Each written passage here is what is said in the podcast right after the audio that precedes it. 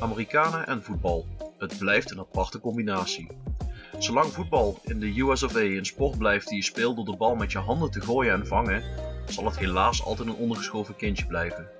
Toch heeft de nationale ploeg best wel wat talent in huis. Spelers als Pulisic, Dest, Reina, McKenny, Wea, Moussa, er loopt best wel wat talent rond. De vrouwenploeg is zelfs de sterkste ploeg ter wereld, dus puur en rauw talent is er eigenlijk wel. Maar wat zegt dat nou eigenlijk over de MLS, de eigen competitie van de Amerikanen? De Voetbal Managers United podcast. Hallo lieve luisteraars en welkom bij alweer een nieuwe aflevering van de Football Managers United podcast. Mijn naam is Guido en vandaag zijn Tim en Fabian, de Alexi Lellis en Tony Meola bij mijn Ernie Stewart. ja, het is, uh, ik, uh, ik heb als AZ-fan ooit uh, Ernie Stewart van dichtbij meegemaakt als TD. Ik was niet bijster enthousiast over zijn kwaliteiten. Misschien dat hij wel heel goed kon voetballen, maar dat heb ik niet actief meegemaakt. Oh, volgens mij was het een beetje de Amerikaanse versie van Dennis Rommedaal, voordat Dennis Rommedaal een ding was. Maar ik, ik bedoel, eh, jullie mogen zelf even uitvechten wie van jullie twee Alexi Lellis mag zijn. Maar dat is wel gewoon echt een, een pure cultheld. Op, uh, op Twitter is hij uh, ontzettend vermakelijk om te volgen. Hij, is, uh, hij zoekt altijd confrontatie met iedereen. Terwijl ik het idee heb dat hij eigenlijk best wel een redelijk iemand is. Maar ik weet niet. Hij gaat altijd vol in de aanval op iedereen die zegt dat de Amerikaanse voetbal en competitie niet best is om dat dan vervolgens tegelijkertijd zelf ook weer te zeggen. Dus het is altijd een beetje hem. Be beetje dubbel op. En uh, overigens is Tony Meola ook nog wel, ook nog wel een soort van een cultheld. Uh, die heeft, voordat hij de nationale ploeg haalde als, uh, als doelman, heeft hij ook nog een, een tijdje als professioneel honkballer gespeeld. Dus nou, op een gegeven moment werd dat honkbal werd het hem dan toch net niet. want hij heeft bij de New York Yankees volgens mij gespeeld. En op een gegeven moment nou ja, vond hij dat toch niet meer leuk. Dus hij mag ging keeper. En volgens mij heeft hij bijna, eh, heeft hij bijna of net 100 interlands voor de VS gespeeld. Dus ja, je kunt toch wel spreken van een geslaagde carrière switch. Ik zou trouwens verder wel ook een prijs stellen als je de rest van deze aflevering niet meer het, uh, die bepaalde honkbalclub uit New York noemt. nou ja, het scheelt dat we een uh, voetbalmanager podcast hebben, Tim. en dat we het niet gaan hebben over honkbal. Want dan, daar heb ik eerlijk gezegd ook geen verstand van. Maar dan heb ik hier twee mensen die er toevallig dan wel weer verstand van hebben. En nou ja, voetbalmanager dus. Onze eigen saves. Uh, ik begin even met Tim. Uh, nog steeds bezig met je Sebastian Abreu challenge.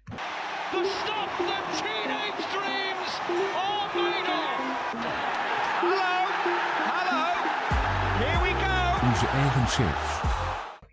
Sebastian Abreu die zit altijd in mijn hart. En die zal altijd op, uh, wel een beetje doorlopen op de achtergrond. Maar ik, uh, ik merkte dat ik iets te, te hard door die save uh, aan het autoplayen was. En dat ik niet echt bezig was met welke proef ik allemaal aandeed. Dus ik heb even om mijn, om mijn interesse weer een beetje opnieuw op te wekken. Een hele simpele save opgestart. En wel Latijns-Amerika. Ik ben gewoon naar mijn favoriete club in Argentinië gegaan. Naar Estudiantes. En, uh, Estudiantes de la Plata. Zeker. De recordkampioen van de Libertadores. Dat moet ik altijd zeggen van mijn Argentijnse vrienden. Ook al is dat inmiddels wel een heel klein beetje vergane glorie. Is, is, dat niet een, is dat niet een beetje zoals Willem II, wat zegt dat ze voor de Tweede Wereldoorlog nog eens, uh, nog eens gewonnen hebben? Het is gelukkig iets recenter, volgens mij voornamelijk allemaal in de jaren 70. Maar, uh, maar op zich zijn ze ook niet heel erg uit de gratie verloren. Maar het is, het is, geen, uh, het is echt zo'n grijze middenmotor. En ze, ook meteen toen ik bij die club binnenkwam op FM, zeiden ze: We willen herkenbaar defensief voetbal uh, van je zien. Dat is het eerste dat ik dat in FM ben tegengekomen, eerlijk gezegd. Het is echt uh, de, de, nou ja, het is echt, het zijn echt alleen maar verdedigers. En een paar lange gasten erbij. En normaal ben ik daar niet van in FM. Ik dacht, ja, ik ga dat gewoon eens omarmen. Ik kan helemaal niks van verdedigende tactieken. Maar ik dacht, ik ga het gewoon eens proberen, want ze hebben echt een ontzettend goede jeugdopleiding. Alleen ja, daar krijg je dus bijna alleen maar betonmolens uh, er doorheen. Dus uh, nou, ik ga het gewoon eens proberen, lijkt me hartstikke leuk. Overigens zit er één gigantisch talent tussen uh, die ik ineens op het oog had. En dan ben ik, ben heel even, ik, heb, ik heb hem toevallig openstaan. hoop ik niet dat, uh, dat de stream nu ineens ja, slecht gaat doen. Nee, doet het niet, volgens mij. David Ayala kwam ineens tegen. 17-jarig jongetje. Niet familie van. Ik heb het even gecheckt. Uh, echt een ontzettend allround verdedigende middenveld, centrale middenveld. Dat wordt echt, uh, ja, 17 jaar. Hij is, dat wordt er eentje. Dat wordt er eentje hoor, ja, want hij, ja, dat kan hij niet. Hij is, nou ja, ik snel maar vooral ontzettend technisch goed verdedigen, terwijl hij maar 1,74 is. 17 jaar. Hij heeft de namen voor mee. Netjes. En is, uh, is, is Estudiantes, is dat niet die ploeg waar uh, Juan Sebastian Veron uh, als voorzitter de scepter gezwaaid heeft? Zeker, zeker. Ja, ja overal waar je. Waar, ik, ben, ik ben tijdens mijn studie ben ik een paar keer bij La Plata geweest. En overal waar je komt zie je alle dingen die met de, de Veron-dynastie te maken heeft. Want zijn vader speelde ook en zijn zoon zit inmiddels daar in de jeugdopleiding. Dus het is echt een Echt een Veron-dynastie daar. Nou, lijkt mij interessant, want volgens mij heb je daar in, uh, in, in bij La Plata heb je ook nog uh, Gymnasia, volgens mij is, is, mhm. is ook uh, uit, uit, die regio. Mm Dan durf ik even niet te zeggen welke van de twee de middle class was en welke van de twee de working class was, maar daar zat ook nog iets bij. Gymnasia is wel een beetje wat chiquer, hè? Dus de, Gymnasia is Grima is de hele naam, Esgrima is de Spaanse naam voor schermen. Dus dan snap je al een beetje dat dat een beetje meer uh, Cheta Sport is, allemaal een beetje chiquer. Alhoewel ze allebei uh, tegenwoordig uh, op letterlijk een steen op afstand van elkaar het stadion hebben staan. Midden in het, uh, in het chique bos tussen haakjes, oftewel het stadspark van La Plata. Sinds één jaar dat Estudiantes weer terug is op de oorspronkelijke plek waar het eerste stadion stond. Nadat ze een paar jaar in het afzichtelijke ruimteschip hebben gevoetbald, dat speciaal voor de Copa America is gebouwd. dus uh, het is, het is, uh, ze liggen weer naast elkaar. Ja, het, is een beetje, het zijn wel aardsrivalen, maar ik weet niet, ik heb een beetje het idee dat het soort Liverpool-Everton-achtige rivaliteit is. Ze haten elkaar okay. wel, maar tegelijkertijd hebben ze elkaar ook wel nodig, omdat ze allebei niet uit Buenos Aires komen. En ook laten zien dat La Plata ook wel een stad is die dat doet. Ja, want ik, ik ben zelf, uh, ben ik heel eerlijk, uh, dan houdt het enigszins op met mijn kennis van, uh, van Estudiantes. Ik heb wel in Argentinië vaker ge gespeeld, maar ik, ik, zie hier wel iets staan over, als bijnaam hebben ze Pincharatas of de Ratstabbers, uh, de rattenneerstekers. Uh, ja. Nou, heel, heel in ieder geval. Theorieën over rond, maar.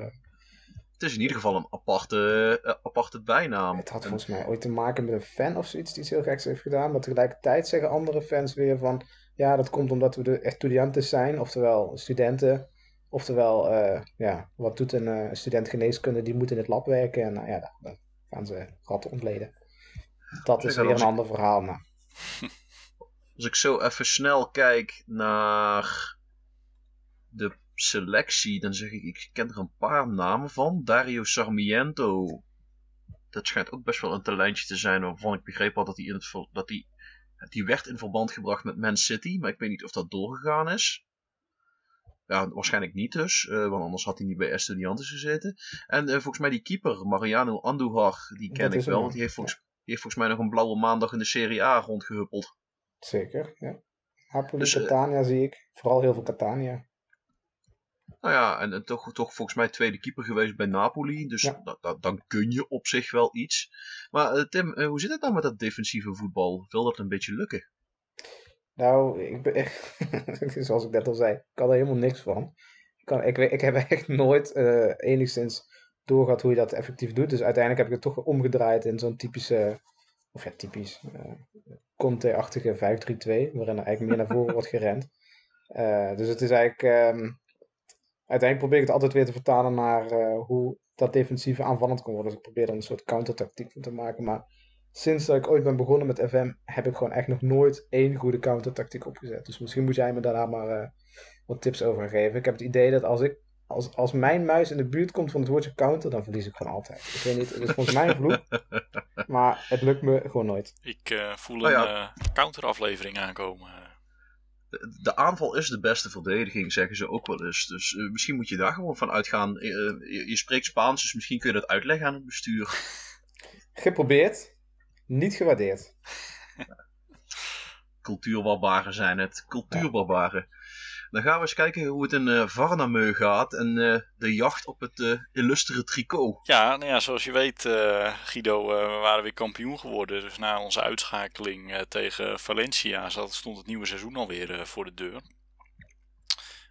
Beker dit jaar wel weer gewonnen. Dus we versloegen in de finale eigenlijk een team wat helemaal niet zo'n hoogvlieger is in Zweden.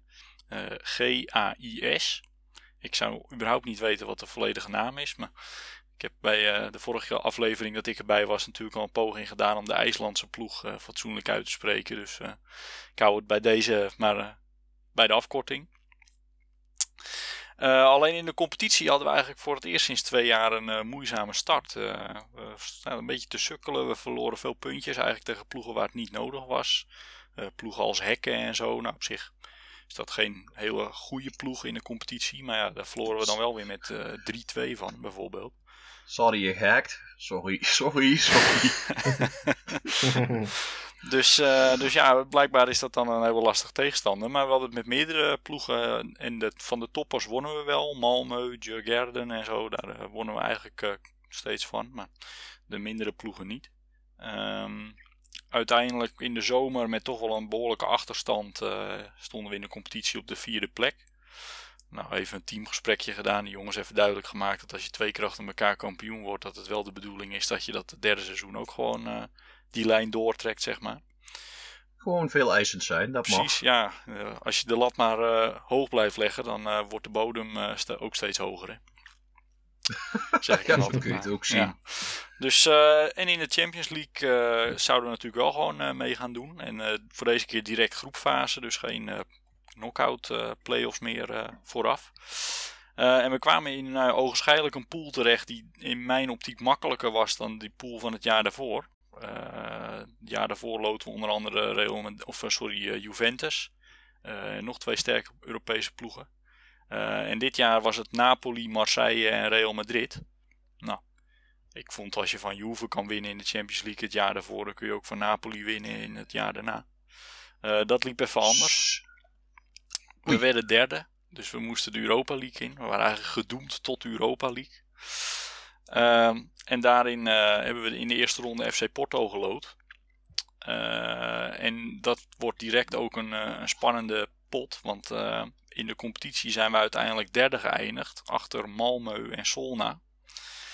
En dat betekent dat we niet de Champions League ingaan het jaar hierna. Dus, je moet je gaan revancheren, jongen. Ik moet me gaan revancheren. En er is dan nog één kans. En dat is als we de Europa League winnen. Kijk, dan ga je natuurlijk ook de Champions League in. Dus FC Porto wordt het eerste station voor de laatste kans om nog Champions League te halen volgend jaar. Ik, uh, ik denk dat je het kan. Ja, ik, uh, ik heb er alle vertrouwen in als we in de Champions League vorig jaar door kunnen stomen tot de knockouts en grote ploegen weten te verslaan. Waarom dan niet in de Europa League? Ik, ik denk, nou ja, laat ik het zo zeggen. Je hebt in het verleden heb je gestund. Dus je hebt aangetoond dat het, het rauwe talent is aanwezig. Ja. Uh, misschien moet je die aflevering over dat tweaken nog eens een keer terugluisteren. Dat je de juiste aanpassingen tussentijds weet te doen. Ja, precies. Ja, ik heb wel wat dingetjes veranderd in mijn tactiek. Ook met onder andere wat rollen van middenvelders. Uh, dat leek in de tweede seizoen zelf wel iets beter te gaan. Uiteindelijk hebben we ook maar, sterker nog, we hebben één punt meer uh, behaald dan het jaar hiervoor dat we kampioen werden. Alleen zijn gewoon twee ploegen die hebben het nog beter gedaan. Ja, dat, dat is wel zuur natuurlijk. Ben je nog in het zetten op, op grote nieuwe aankopen? Nou, één iemand die je misschien zou kunnen kennen, want ik ben wel, ik ben wel zeg maar, heb de stap gezet om wat meer te gaan verjongen. Oscar Lewicki, zeg maar, een van de bekende spelers die er al zat, die hebben we verkocht aan een of andere Saoedi-Arabische ploeg. die nog een mooie klap geld neerlegde voor een 34-jarige speler. Zo'n miljoen ongeveer. Oh. Nou, vond ik niet slecht. En we hebben daarvoor teruggehaald Manasse Kusu. En dat is niet de broer van Tunahan Kusu in onze Tweede Kamer. Want dit is met een S. Maar dat is een heel jong, jonge Zweedse middenvelder die al international is. 24 jaar. Dat en, klinkt die goed. gaat ons op het middenveld versterken. En waarschijnlijk ook een dubbele nationaliteit. Want volgens mij heeft half Zweden inmiddels een dubbele nationaliteit. Ja, het is wel een Zweed aan het begin, maar uh, hij, hij, is ook zeg maar, zijn jeugdopleiding heb je gehad in Zweden, maar volgens mij heb je wel een dubbele nationaliteit. Ik kan oh ja. wel eventjes kijken. Met, met die achternaam vermoed ik dat het ergens in de, in de Turkse, Syrische hoek ligt. Nee, Congo. Congo. Nou ja, Democratische Republiek Congo, ja. In ieder geval, het klonk niet heel erg Zweeds. Maar ja, dat is net zoiets als dat vroeger Zlatan Ibrahimovic, Kennedy Bakir Choglu, Absar Barsom, Stefan Selakovic. En nou ja, noem, noem, de namen maar op, dat klonk ook allemaal niet heel erg Zweeds. En het heeft toch bijna allemaal interlands gespeeld voor de Zweedse nationale ploeg. Ja, klopt. Dus uh, ja, ik, uh, ik hoop dat we, hem, uh, dat we nou ja, met hem weer voor de titel kunnen gaan het jaar hierop. Ja, daar, daar gaan we wel van uit. Ik, ik denk dat ik, nou ja, dat moet. Dat, we, we rusten niet voordat je dat Varnamo-shirtje aan de muur hebt, uh, hebt hangen thuis. We zijn het aan onze stand verplicht. Dat bedoel ik. En nou ja, ja dat shirtje gewoon ingelijst aan de muur komt. Dan heb je ook uh, een, een, mooie topic starter en een mooi gespreksonderwerp als, je, als er mensen over de vloer komen van... Wat heb jij daar in de muur hangen? Oh, dat is mijn uh, ingelijste shirtje van Varnamo. Ken je die ja, niet? Ja, precies. Ik heb daar de Champions League mee gewonnen. ja. Kijk, ken je voetbalmanager? als, en, en, als ze dan nee zegt, dan, dan, dan was het het niet geworden.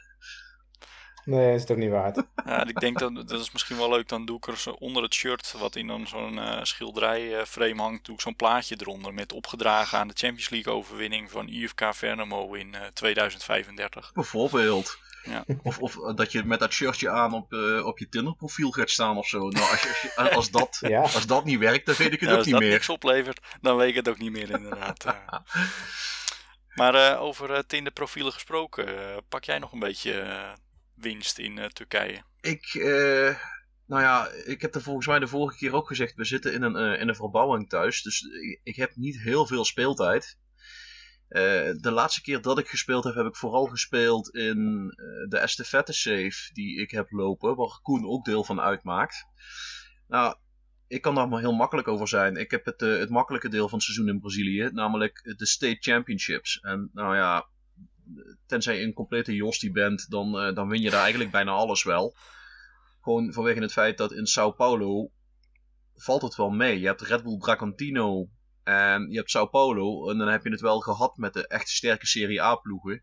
Dan heb je er nog één of twee die aan de onderkant van de Serie A bengelen. En de rest zijn allemaal ploegen die Serie B, Serie C, Serie D zijn. En dat zijn die ploegen die droog je dus gewoon met 10 doelpunten verschil af. Uh, ik, heb, ik heb me daar doorheen geworsteld. Uh, of geworsteld. Ik, ik heb eigenlijk vooral instant result geklikt en doorgegaan naar de volgende wedstrijd. Want ja, kom, ik ga daar geen tijd in stoppen als het niet hoeft. Uh, daarna heb ik gekeken eigenlijk naar welke competities kan ik gaan toevoegen. Want ik wil eigenlijk weg in Brazilië. We hebben de Copa Libertadores gepakt, we hebben de Serie A gepakt. Dus hm. ik heb uh, een aantal Aziatische en, en nou ja, de enige Afrikaanse competitie die standaard erin zit toegevoegd. Met het idee, uh, nou ja, we gaan eens kijken of we ergens anders naartoe kunnen. En ik heb begrepen dat Karel, die van mij heeft overgenomen in deze estafette save, heeft ons naar Cape Town United gestuurd. Dus uh, we gaan in Zuid-Afrika verder. En daar heb ik op zich wel zin in. Met Altinordu heb ik een uh, wedstrijdje of 5-6 nog gespeeld. Dat waren vooral nou ja, competitieduels. Die heb ik eenvoudig gewonnen. Uh, in de halve finale van de beker moest ik tegen Trabzonspor. Um, die wedstrijd bestaat uit twee wedstrijden altijd. Het gekke is dat er bijna een maand tussen de eerste en de tweede wedstrijd zit. dus nou, als je, als je ooit wil zeg maar, klagen over diegene die de Nederlandse competitieschema's inplant, bedenk dan in Turkije kan het gewoon nog veel erger. Uh, maar we hebben die wedstrijd met 1-0 verloren. En er zat zo'n. Uh, ken, ken, je dat filmfragmentje van Watford? Waar die keeper een penalty stopt en dan gelijk uit de tegenaanval dat er gescoord wordt? Ja, ik was on the receiving end. Die van mij miste de penalty en uit de counter uh, trapt Trabzonspor vlak voor tijd de 1-0 erin. Dus we hebben wel verloren. Dat zou voor mij echt al een reden zijn om gewoon echt vijf maanden geen FM meer te spelen. Nou, ik had zoiets, ik weet dat er een return komt. Dus ik pak ze in de return wel. Ik wou net zeggen, en jij hebt vorige keer verteld dat je in de return ook al uh, tot uh, uh, aparte capriolen in staat bent geweest om hem toch nog over de streep te trekken. Ja, maar dus, dat, dat was die wedstrijd waar ik toen in, de, in, in 10 minuten tijd vier doelpunten om mijn ogen kreeg, waarvan drie in blessuretijd. dat heb ik ook nog nooit eerder meegemaakt. nee. Dus ik ga er nou wel voor om om in de beker van Turkije weer te gaan stunten. Uh, we hebben nu de youth intake gehad, dat vind ik ook altijd wel geinig. Uh, met name omdat ik dus met alleen maar Turkse spelers wil gaan spelen, is dit uh, ja, een beetje de lifeline waar ik me aan ga vastklampen. ik ben niet financieel, zelfs met dat geld wat ik heb, niet in staat om de spelers weg te kapen bij die grote ploeg uit Istanbul. Maar ik kan wel zeg maar, de rest van het land afstruinen. En, en hopen dat ik met mijn eigen intake, door, door die te maximaliseren, dat ik in ieder geval met homegrown talenten kom. En het, ja, het fijne van Altinordu is dat ze op zich wel met, met leuke spelertjes aankomen kakken. Dus dat er wel echt talent uh, vandaan komt. Dus daar kan ik dan wel wat mee. Uh, nou, in zekere zin, ja, het is niet eens een uitgestippelde strategie, maar het is. Uh, de Engelsen zeggen altijd: necessity is the mother of invention. Oftewel, als je geen andere keuze hebt, dan zul je, dan zul je wel moeten uh, om er iets van te maken. Um, ik voeg er dan graag aan toe dat uh, desperation is the father of compromise and panic is the sister of slapdash improvisation. Oftewel, eigenlijk loop ik maar gewoon wat te doen. Um, ik, ik ben nog niet in staat om. Nou, promotie zit er wel in. Maar volgend jaar in de, in de hoogste afdeling uh, zal het subtop aan middenmoot worden. Uh, ook omdat de helft van mijn spelers waarschijnlijk na dit seizoen vertrekken. Uh, die staan in de belangstelling van grotere Turkse ploegen. Die beginnen te jengelen. En je kunt dan wel vijf of zes keer zeggen: ja, maar wij gaan ook promoveren. Wij spelen volgend jaar ook op dat niveau. Uh, je weet zelf ook dat die spelers dat gewoon niet snappen. Die nee. krijgen dan dollartekens nee, maar... in de ogen en gaan ik denk ook wel, dat, kijk, dat is dan, die ervaring heb ik natuurlijk heel veel jaar geleden ook gehad met Vernamo. Dat je zeg maar vanuit de, de, de, de het tweede niveau naar het topniveau gaat in je, in je, eigen land. Uh, ik heb die eerste paar jaren altijd wel fijn gevonden, want eigenlijk zijn de verwachtingen heel laag. Hè. Je komt binnen als promovendus, dus de bestuur zegt vaak van nou, als je maar niet degradeert, dan zijn we helemaal happy. En ja, eigenlijk kun je de eerste twee jaar kun je gewoon heerlijk rustig bouwen aan een team waarmee je voor het kampioenschap kan gaan. En als je dan uh, eerst in de middenmoot eindigt en het tweede jaar in de subtop, dan vind je bestuur dat helemaal best. Ja, dus... dus dat heb ik altijd wel fijn gevonden. Het, het, het zal ook wel zoiets gaan worden. Um, en ik maak me er op zich ook niet zo heel erg druk om. Het, het, dat komt wel goed. Dit is een, uh, een safe van de lange adem. En als hier de verbouwing dadelijk een beetje klaar is, dan heb ik ook de tijd om, uh, om, om fatsoenlijk te spelen bedoel, ik heb tien jaar bij Milan gezeten. Uh, ik ga ervan uit dat ik toch ook een jaar of tien bij, uh, bij Altinordu uiteindelijk ga zitten. Dus dat, dat gaat helemaal goed komen. Dat moet wel lukken. Maar uh, laten we even teruggaan naar het thema van vandaag, namelijk de MLS. It's just the most extraordinary scenario you could have dreamt of. The unthinkable unfolds before our eyes. Het thema van de week. Ja, laat ik de MLS eens uh, introduceren met. Het, het is geen competitie die uitnodigt om eraan te beginnen. En eigenlijk is dat heel erg jammer. Maar de, de MLS heeft van oudsher denk ik een reputatie van een competitie waar Europese en Zuid-Amerikaanse spelers die eigenlijk over hun top heen waren, die gingen daar nog een beetje uitbuiken om nog wat centjes, centjes bij elkaar te rapen. Eh, dan heb je het over de Wayne Rooney's, de David Beckhams. Uh, maar en zijn, er, zijn er meer legio voorbeelden geweest die daar eigenlijk nog een paar jaar uh, gingen uitbuiken, grote naam hadden en ja, eigenlijk niet echt iets lieten zien. En voor een deel is dat nog steeds zo. Want ja, je hebt er tegenwoordig ook een Matuidi en een Higuain en een Wanyama die nou, eigenlijk vrij weinig laten zien. Dan vind Carlos Vela, die wil ik nog het voordeel van de twijfel geven, want dat is wel echt een van de betere spelers van de competitie. Ik wou net zeggen, jij noemt de naam Higuain, maar die heeft zich wel volledig aangepast aan het Amerikaanse levensstijl. Hè? Als je die foto's bekijkt van hem op het voetbalveld. Hij is uh, groot. Ja, en vooral breed. Wel, meteen assistent doelpunt bij zijn... Uh, en hij speelt samen met zijn broertje. Uh, wat, wat op ja. zich ook nog wel geinig is. Want eigenlijk die, ik geloof Federico, die kan er gewoon echt geen kloten van. En dan staan ze toch gewoon samen op het veld. Ja. Nou, kan hij toch maar gezegd maar hebben. in ieder geval, de MLS stond altijd bekend als een competitie waar nou ja, spelers een beetje gingen uitbuiken. En ja, la laat ik de elephant in the room dan maar even benoemen. De fucking regels de wirwar aan regels. Dat, dat maakt, uh, denk de MLS voor, voor een buitenstaander uh, tot een uh, complex en niet uitnodigende competitie. Maar, ja, klopt. Ja. nee, ik, kijk, ik begeef me in die zin een beetje op glad ijs. Want dat, dat, dat kan ik wel even vertellen voordat we inhoudelijk beginnen. Ik heb ooit, denk uh, dat toen was met FM 2012 was dat, uh, heb ik een save gehad uh, met de LA Galaxy. En dat was inderdaad nog in de tijd dat de Beckhams en de, En de, de, de, de Robbie Keens daar speelde, zeg maar. en sindsdien, naar mijn weten, is er ook wel weer een hoop veranderd in sommige regels. Dus als je echt inhoudelijk op regels gaat, dan moeten we vandaag echt steunen op Tim. maar wat ik wel heb ervaren in die, in die periode, is dat die regels er wel voor zorgen dat je, dat je redelijk gelijkwaardig bent met de teams tussen elkaar. Hè. Iedereen heeft een redelijke kans op succes. Dat is eigenlijk een beetje wat ook natuurlijk bij andere Amerikaanse sporten de achtergrondgedachte is erachter. Um, je krijgt in principe nooit echt een big spender die alles opkoopt.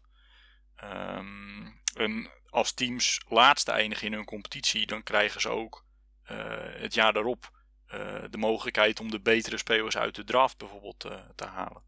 Dus in die zin is mijn ervaring dat de regels er wel voor zorgen dat er, ja, dat er een gelijk speelveld gecreëerd wordt tussen de clubs.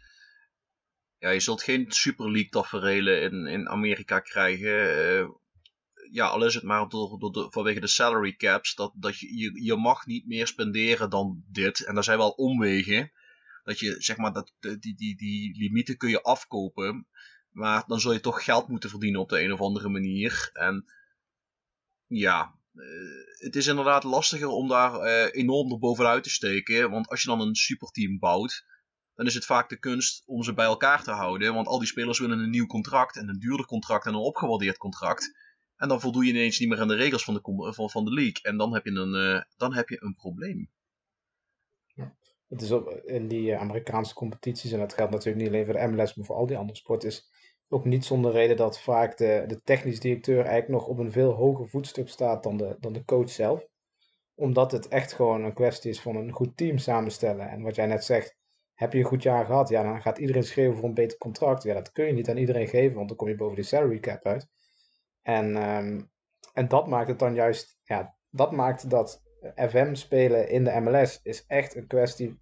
Als je daar succes kan hebben, dan ben je echt een, een ster in het bouwen van het team en niet zozeer in het managen van wedstrijden. En dat is ook wel weer wat het ontzettend leuk maakt. Want ik heb even heel snel even Wikipedia gedaan. Uh, als je kijkt naar sinds 2010, dan hebben we 11 of 12 seizoenen eh, MLS gehad. Acht verschillende kampioenen.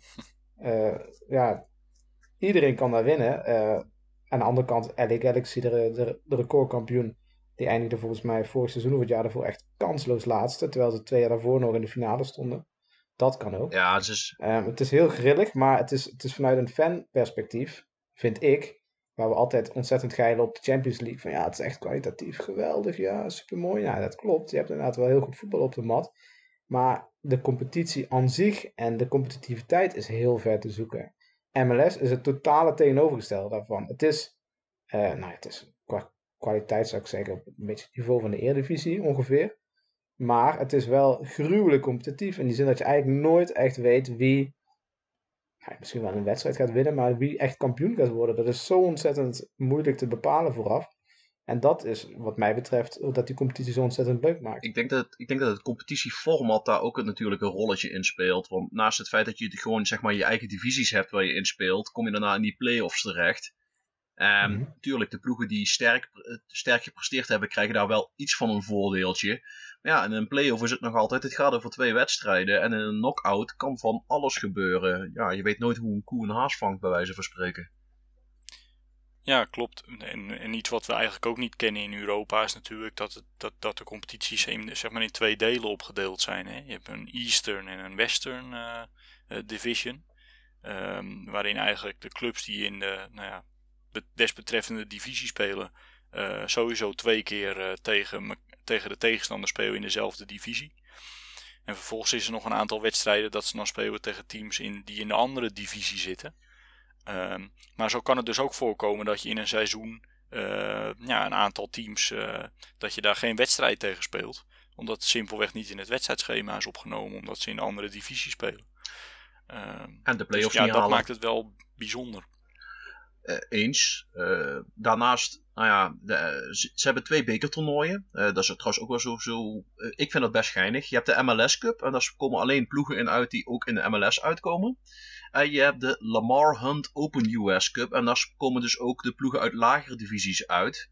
Ehm, zeg maar de college teams en de semi-prof clubs, die mogen daar ook in meedoen. Dus daar kom je nog eens wel, daar kom je nog wel eens andere tegenstanders tegen. En dat is op zich ook wel geinig uh, nou ja, om eens een keer te scouten voorafgaand aan de drafts. Een, uh, een elementje wat ik trouwens ook wil aan, uh, aanduiden is de MLS is niet statisch. Die wordt voortdurend uitgebreid. Ja, ja, klopt. Je hebt natuurlijk uh, recent, uh, misschien wel het meest bekend is Inter Miami, hè, die uh, onder leiding van Beckham in de competitie is gekomen. en wat ik begrepen heb, zijn ze inderdaad de komende periode ook weer aan het uitbreiden met, met andere teams. Um, ja, sterker het, sterker ja. nog, van, vanaf 2017 zijn er eigenlijk elk jaar minstens, is er telkens minstens één ploeg bijgekomen. In 2017 is Atlanta zeg maar, ook bekend van uh, het niet zo succesvolle avontuur van Frank de Boer. En uh, Minnesota erbij gekomen, waarvan Atlanta uh, daadwerkelijk volgens niet in het eerste, maar volgens mij wel in het tweede seizoen ook gelijk landskampioen geworden is. die, hebben, nou ja, die hadden de naam van ontzettend vurige fans te hebben. Die hebben daar een Zuid-Amerikaanse coach, Tata Martinez, voor gezet. Een paar Zuid-Amerikaanse sterspelers gehaald en dat ging als een trein. Uh, LAFC is er in 2018 bijgekomen. Het kleine broertje van de Galaxy, maar wat inmiddels sportief gezien de Galaxy voorbij gestreefd is. Uh, ook onder aanvoering dus van Carlos Vela. Uh, ja, in 2019 zijn de kneusjes van de divisie erbij gekomen. Cincinnati. Um, getraind... Ron Jans nog wel wat ervaringen mee, toch? En nu Jaap Stam. En Jaap ook, ja. En dat zal voor jou als Feyenoorder zal dat pijn doen. Maar, uh, zeg maar het spel wat, wat Stam bij uh, Feyenoord liet voetballen. Dat, uh, dat lukte moeiteloos ook bij Cincinnati. ik geloof dat die. Um, wat hadden ze laatst? Hadden ze volgens mij na 36 of 37 seconden hadden ze al een tegendoelpunt gekregen. Dus ze werd afgetrapt, tik, tik, tik en de bal achterin. Um, ik geloof dat Stam een gemiddelde heeft van uh, 0,6 punt per wedstrijd gehaald. En dat over iets van 30 wedstrijden of zo die hij gespeeld heeft. Dus. Brengt ons meteen maar bij dat het helemaal niet erg is om veel te verliezen. Maar we hadden volgens mij net al genoemd. Dat is het goede van die competitie, dat als je zoveel verliest dat je toch weer in de draft hoog komt. Dus het is allemaal tactiek van Jaap. Ik denk het. Over vijf jaar zijn ze kampioen. Ik denk het. Maar wat, wat voor FM-begrippen nog leuk is, in uh, 2021, 2022 en 2023 komen er nieuwe ploegen in de MLS.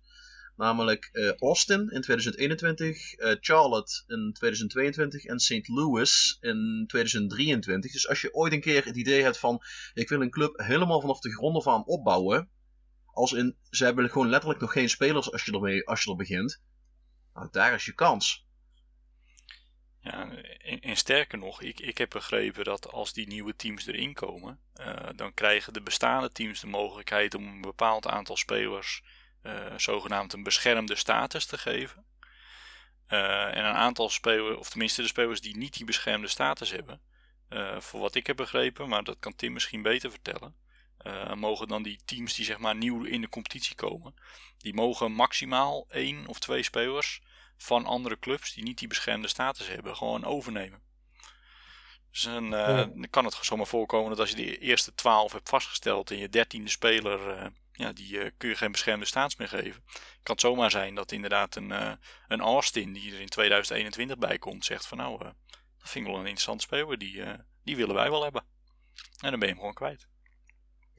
Danny Hoese is dat volgens mij overkomen, als ik het goed zeg. Ja. Die speelde volgens mij bij San Jose en die speelt nu bij Austin. Die is uh, een van de vijf expansion draft picks geweest van Austin ja. uh, dit jaar. Klopt, dus de expansion draft is één, volgens mij hebben ze iets van vier of vijf verschillende soorten drafts daar. En de expansion draft is dus alleen voor echt nieuwe ploegen. En die mogen dan inderdaad, nou, zoals je, zoals je zegt Fabian, mogen ze dus inderdaad gewoon gaan kijken van, nou, oké, uh, wie kunnen we kiezen? En uh, nou, van ieder team mogen we een spelertje pakken als we dat willen. Moet ik er wel bij zeggen dat de meeste ploegen dat niet doen, want je bent wel op, ja, je mag maar een maximaal aantal spelers vastleggen in je selectie, dus je gaat wel ook kijken van, heb ik er iets aan? En als een speler geen beschermde status heeft gekregen, dan is dat meestal niet helemaal voor niks. Ja, bij, kijk, die expansion draft is, is wel redelijk, uh, daar wordt wel gebruik van gemaakt, want dat heb je ook gewoon echt wel nodig als nieuwe ploeg. Ik denk dat je misschien meer denkt aan de, de re-entry ah, draft, ah, ik, maar misschien dat we daar zo nog uh, komen. De expansion draft is wel echt nodig voor die ploeg, omdat die gewoon nog geen, ja, die hebben wel spelers, maar die komen vaak uit het tweede team of uit een, uh, of die worden dan alvast een contract aangeboden voor over een jaar als wij staan, dan kom, kom je dan langs, dan nou, op die manier. die expansion draft is echt een... Ehm, ja, dat is eigenlijk inderdaad, ik raad het iedereen aan die echt iets nieuws wil proberen. Ga met Austin beginnen, of ga met Charlotte beginnen, want die, die zitten volgens mij al in deze FM ja. En die beginnen inderdaad met nul spelers. Nou, en de Nederlandse TD. Dus, ja, dat, die wilde ik eigenlijk nog wel even noemen. Hij is, hij is niet, ik heb zelfs nog met hem op studie gezeten samen. Dus ik wil even shout-out naar Thomas, Thomas Schaling. Ik heb geprobeerd om hem uit te nodigen, want ik heb hem op... Ik heb hem ook ooit geprobeerd voor een andere podcast uit te nodigen, maar hij woont inmiddels, volgens mij, is hij verhuisd en heeft net een... een kleintje. Net een kind gekregen, precies. Dus Thomas Schaling. Hij is head of scouting operations, geloof ik, als ik het goed zeg. Dus hij is degene die uh, carte blanche heeft gekregen om die hele ploeg samen te gaan stellen. Nou, dat lijkt me echt een complete natte droom voor, uh, voor welke sport- en voetballiefhebber dan ook. Hij heeft, uh, even voor de mensen die, die hem niet kennen, hij, heeft, hij is door Ernie Brand... Marcel.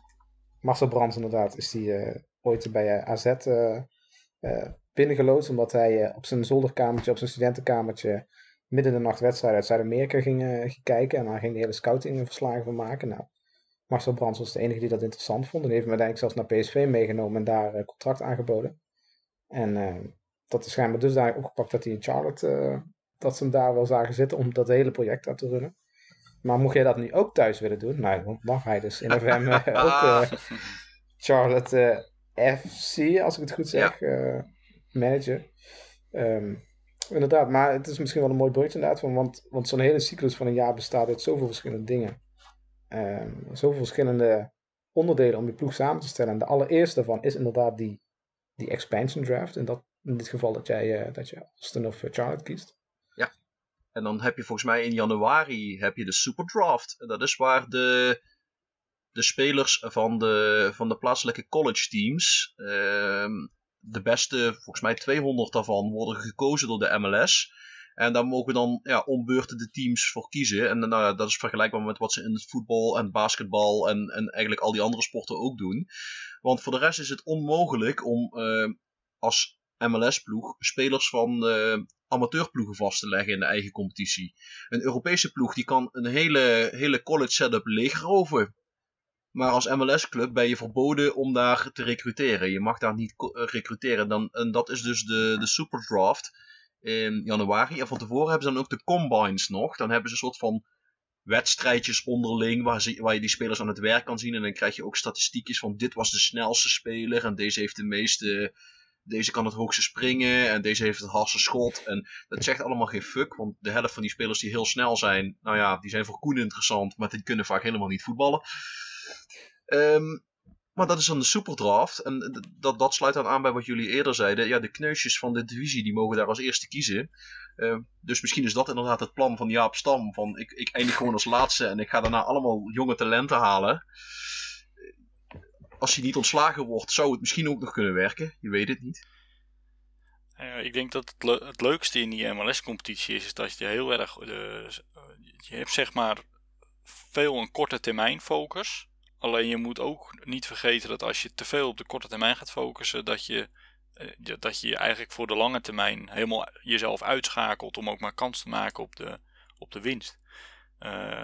Je benoemde het net al eventjes kort. Je kan, uh, je kan bijvoorbeeld uh, draft picks of, of een deel van je salary cap kun je, kun je, kun je weggeven om, om betere spelers te halen en nou dat terug te geven aan andere clubs. Maar dat zorgt er wel voor dat je de jaren daarna weer tegen je eigen problemen aanloopt. Omdat je nou ja, minder goede spelers kan kiezen uit de draft. Of minder geld te besteden hebt. Omdat je dat weggetrade hebt naar een ander team. Uh, dus in die zin maakt het wel een hele interessante competitie. Zeker als je bijvoorbeeld een manager bent die niet, uh, die niet heel erg gefocust is op, op zeg maar, spelers snel wegdoen. Hè jullie weten zelf ook wel, ik, ik ben dan persoonlijk een type speler die heel erg vasthoudt aan, aan spelers die gewoon bewezen hebben dat ze goed zijn en die goed doen in de ploeg. En anderen zijn heel erg van het doorselecteren. Zeker als je zo'n nou, zo'n type bent als ik, die heel erg vasthoudt aan, aan dezelfde spelers, is het heel interessant om een keer de MLS te proberen. Omdat je daar echt nou ja, bijna geforceerd wordt uh, om het op die, uh, op die hybride manier te doen. Om heel erg snel door te selecteren. Ja, je, sterker nog, als, als blijkt dat jij bij een nieuw registratiemoment niet voldoet aan de regeltjes, dan wordt iedere speler die je niet geregistreerd registreerd wordt, krijgt een automatische free transfer.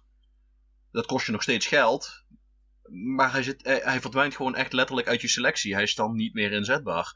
Dus ja, ja je, je wordt echt gedwongen om, om voortdurend door te selecteren, te evalueren, te kijken hoe, wat, waar, wat werkt. Uh, hoe, hoe kunnen we daarmee verder gaan? Dus het is een, uh, ja, ik geloof dat de Engelsen zelf zeggen, het is een cutthroat competition. Uh, je kunt je eigenlijk geen zwakke momenten veroorloven, want dan word je voorbijgestreefd door iedereen. Met name omdat iedereen het met dezelfde middelen moet doen, kun je ook niet zeggen van nou, ik, ik heb je financieel meer te bieden. Je kunt hooguit zeggen, ja, je, komt, je kunt in Los Angeles komen wonen, wat gewoon een mooiere stad is dan bij wijze van spreken Chicago. Ja, het, is het, probleem ook, en de spelers kunnen het vaak ook zelf uitrekenen, omdat uh, het aantal spelers dat je op je roster mag hebben, dus in je team mag hebben, is, staat al vast van tevoren. Het aantal salaris dat je mag uitgeven staat vast. Het aantal spelers dat je eigenlijk een beetje boven uh, de salaris plafond mag betalen, zogenoemde designated players, dat staat ook vast. Dus een speler kan van tevoren ook wel uitrekenen van ja shit, ik ben nu, we hebben wel zoveel spelers in ons team die zoveel verdienen. Ja, ik, er is eigenlijk geen ruimte voor mij. En dan is dat in een gesloten systeem in Amerika en in andere sporten waar alle talenten echt in Amerika zitten, zoals de Amerikaanse voetbalcompetitie of tot op zekere hoogte ook de, de honkbalcompetitie, ja, dan werkt dat nog wel, want dan kun je gewoon afdwingen dat een andere club jou dan maar dik gaat betalen. Maar ja, uh, in het voetbal is, en dat is een beetje de hele grap van MLS als vreemde eentje in, in, die, in die vijver. Ja, er zijn natuurlijk wel gewoon nog steeds landen buiten Amerika waar je heel veel geld kan verdienen. En dat is eigenlijk een beetje het, dan weer de Achilleshiel van MLS, is dat ze gewoon Um, net de enige manier waarop zij zichzelf echt als competitie collectief veel groter gaan maken, is als de MLS zegt: Oké, eh, alle ploegen, jullie mogen nu nog meer geld uitgeven aan jullie salary cap. Ja. Dus de MLS zit daar nu heel erg mee te spelen van ja, willen we dat deze competitie een beetje eerlijk blijft voor iedereen? Of uh, willen we toch maar zeggen, oké, meer geld uitgeven? Maar ja, dan moet je dus ook alle clubs in staat stellen dat ze dat geld ook weer kunnen uitgeven. En ze willen eigenlijk gewoon no, left man, no man left behind. Ja, maar je ziet, je ziet bijvoorbeeld ook dat de betere spelers in de MLS, die blijven nooit langer dan één of twee seizoenen. Uh, je hebt die jongen gehad van Atlanta, uh, Miguel Almiron. Dat was echt een van de uitblinkers van het kampioensteam van Tata Martinez. Maar ja, op een gegeven moment komt Newcastle uit de Engelse Premier League. Ja, die kunnen die jongen vele malen meer betalen. En dan was hij een van de designated players van Atlanta. Hij was een van de topspelers die niet binnen de salary cap viel. Dus hij verdiende al meer dan de rest. En ja, ze, ze, ze kunnen er niet tegen op. Overigens wel interessant. Er loopt met name bij Tata Martino, inderdaad niet Martinez, dank je Tim. Um, met, name bij, die, bij de nieuwere ploegen, die zijn vaak niet gegaan voor grote namen. Inter Miami even als uitzondering, maar die zijn vaak gegaan voor jonge Zuid-Amerikaanse talenten. Uh, dus er lopen echt wel wat jonge, talentvolle Brazilianen en Argentijnen in die competitie rond. Maar ook spelers uit, uh, volgens mij, Ecuador en Paraguay links en rechts. Waarvan je denkt, nou dat zijn echt hele, hele leuke spelertjes. Ook voor een Europese ploeg kun je daar best leuk scouten. Ja, Atlanta is daar echt een pionier in geweest. En daar, daar ik denk Atlanta is misschien wel de beste club wat betreft uh, een ploeg die nu erbij is gekomen. Dus die wordt echt als een soort van golden standard nu gezien. Die zijn inderdaad erbij gekomen en tweede jaar daarna werden ze meteen kampioen. En dat hebben ze gedaan mede dankzij Martino, die al heel veel, ja, natuurlijk als Argentijn heel veel kennis heeft van, van, van het scoutingsapparaat in Latijns-Amerika. En die heeft gezegd, ja, we gaan niet nu als nieuwe club meteen voor de sterren en hopen dat we een soort iconische speler uit Europa halen van 39 jaar. Uh, dan krijgen we op die manier wat het stadion vol. Nee, die dacht, ja, als wij nou gewoon goede spelers halen, herkenbare spelers. Uh, en in plaats van dat geld uitgeven aan een 39-jarige Europeaan, juist een 21-jarige Argentijn die op de radar staat van Europese clubs. Uh, en die dan juist halen. Nou, kom je bij Miguel Almiron, de Paraguayaan. Je hebt Josef Martinez, een Venezolaan. Ja. Dat zijn twee, ja, die waren samen echt een onnavolgbare spitsenduo. Volgens mij waren ze ook allebei uh, twee van die drie plekken die elke ploeg op zijn uh, roster heeft om die dan net iets meer salaris mag betalen. Dan wordt een deel door de bond betaald. Nou, alles om de competitie een beetje naar een hoger plan te tillen. Maar die hebben dus dat gebruikt om juist in plaats van dure Europeanen, juist hele uh, jonge, talentvolle Latijns-Amerikanen te halen. En dat was zo'n groot voorbeeld dat eigenlijk nu dus sinds, en dan moet ik uit mijn hoofd zeggen 2018 of zoiets, dat Atlanta kampioen wordt de laatste drie, vier, vijf jaar, is ineens een complete revolutie gaan in MLS. Dat ze niet meer uh, die, oude, die oude Europeanen uh, aantrekken, maar juist die jonge Latijns-Amerikanen. Als je nu inderdaad even een soort ja, screen maakt of een beetje de, al die selecties van de MLS gaat, zie je dat die, die drie plekken die ze hebben om die dure, talentvolle spelers mee eh, op te vullen, dat dat bijna allemaal Latijns-Amerikanen zijn. Klopt. In dat opzicht denk ik dat het ook de competitie, ja, hoe moet ik het zeggen? Of, of, een stuk serieuzer ja, eigenlijk. Of... Omdat, omdat het nu, je ziet ook in Latijns-Amerika, vooral in Argentinië, zijn ze nu ineens van, oh shit, die MLS die is eigenlijk best wel oké. Uh, en dat geeft ons gewoon de kans om niet meteen naar Europa te gaan, omdat je toch vaak wel een klein beetje een cultuurshock ziet van, van bijvoorbeeld Argentijnen, als die niet meteen in Italië of Spanje terechtkomen. Dat ze denken van ja, hoe moet ik eh, omgaan met deze cultuur? En in Amerika, vooral in die, die meer zuidelijke staten, als jij in Los Angeles gaat spelen, of in Atlanta gaat spelen, of in Texas gaat spelen, in Florida gaat spelen, nou, uh, dat stadion zit voor 80% vol met mensen met een, met een Latino achtergrond die helemaal gek worden van voetbal. Als je naar Los Angeles gaat, daar wonen meer mensen met een Latino achtergrond dan mensen met een Anglo-Saxische achtergrond. Dus waarom zou je niet daar gaan spelen? Mooie stad. Uh, echt, die wordt geadoreerd als een halfgod. Lekker een beetje binnenlopen. En dan, uh, en dan op die 23e, 24e dan weer verder gaan in Europa. En wat ik wilde zeggen, inderdaad, het geeft de competitie denk ik meer cachet voor de lange termijn. Als je, als je alleen maar gaat voor nou, Europese spelers die vooral hun zakken komen vullen en die sportief lang niet altijd de meerwaarde zijn, ja, hoe serieus neem je jezelf dan als competitie?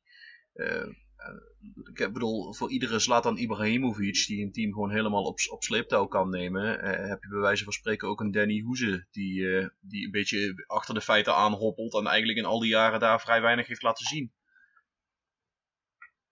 En ook, en ook hij werd gezien als een grote naam destijds, want hij kwam toch van uh, van Ajax. Hij had gescoord in de Champions League. Hij werd daar wel echt binnengehaald als een, als een naam. Als een speler die iets kan betekenen. Um, we hebben het er net trouwens al heel even kort over gehad. Maar uh, de salary caps, de contracten. Uh, als je voetbalmanager in de MLS gaat spelen, dan is het, uh, het, het regelsscherm waarbij je, je je selectie in de gaten kunt houden. En waarbij je de verschillende soorten contracten in, in beeld krijgt, is uh, absoluut belangrijk. Want je mag van ieder contractsoort mag je maar een x aantal spelers hebben met een totaal aantal totaal bedrag aan salaris wat je per contracttype mag uitgeven. En om het nou eens lekker interessant te maken, je hebt uh, vijf soorten contracten. Je hebt de, de designated player, dat, is, dat zijn maar, zeg maar je sterspelers. Die, uh, ja, dat, zijn, dat zijn de Ibrahimovic, de, de mensen die het meeste verdienen. De, de Slatans, de, David de Beckhams. Uh, vroeger heette dat ook de, de, de regel van de Desi de David Precies, dat was de David Beckham rule. Die was in het leven geroepen zodat Beckham naar de MLS gehaald kon worden. Um, nou, daar mag je er twee van onder contract nemen. En Drie, geloof ik zelfs. Uh, misschien zelfs oh, drie zelfs. Nou, vorig jaar waren het er nog maar twee, ja, maar dan moest er dan wel minstens één van uit Amerika komen. Dus dan kreeg je de, eh, eh, dat gekke verhaal dat die Michael Bradley, die bij Herenveen zeg maar een, redelijke middenvelder was, een van de sterspelers was van Toronto FC. Want het was een Amerikaan die ook nog zeg maar een bal recht vooruit kon spelen naar iemand van hetzelfde kleur t-shirt. En ja, dat was dan een van de beter betaalde spelers van de competitie, want het was een Amerikaan die ook nog vrij goed was. En eh, met vrij goed bedoelen we zeg maar middenmoot eredivisie. Um, je hebt een designated youth player nou ja, hetzelfde, maar dan mag die speler, uh, geloof ik, maximaal 23 jaar oud zijn.